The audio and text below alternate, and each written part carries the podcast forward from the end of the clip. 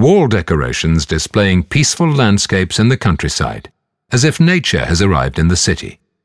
This kind of scenery was immensely popular in 18th century town mansions.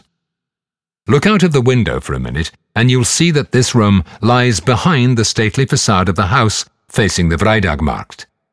This part of the dwelling dates from the mid 1800s when Squire Francois Jean Moretus commissions the construction of a new front part of the building. It also marks the end of two centuries of building and renovating. It is a dining room full of light. It's very airy as well as quite comfortable. From now on, family life will be conducted in this room and the rooms around it. That is, until 1877, when the house becomes a museum. But you know that by now. Thank you very much for your attention and for visiting the museum. We sincerely hope that you enjoyed your tour around the house.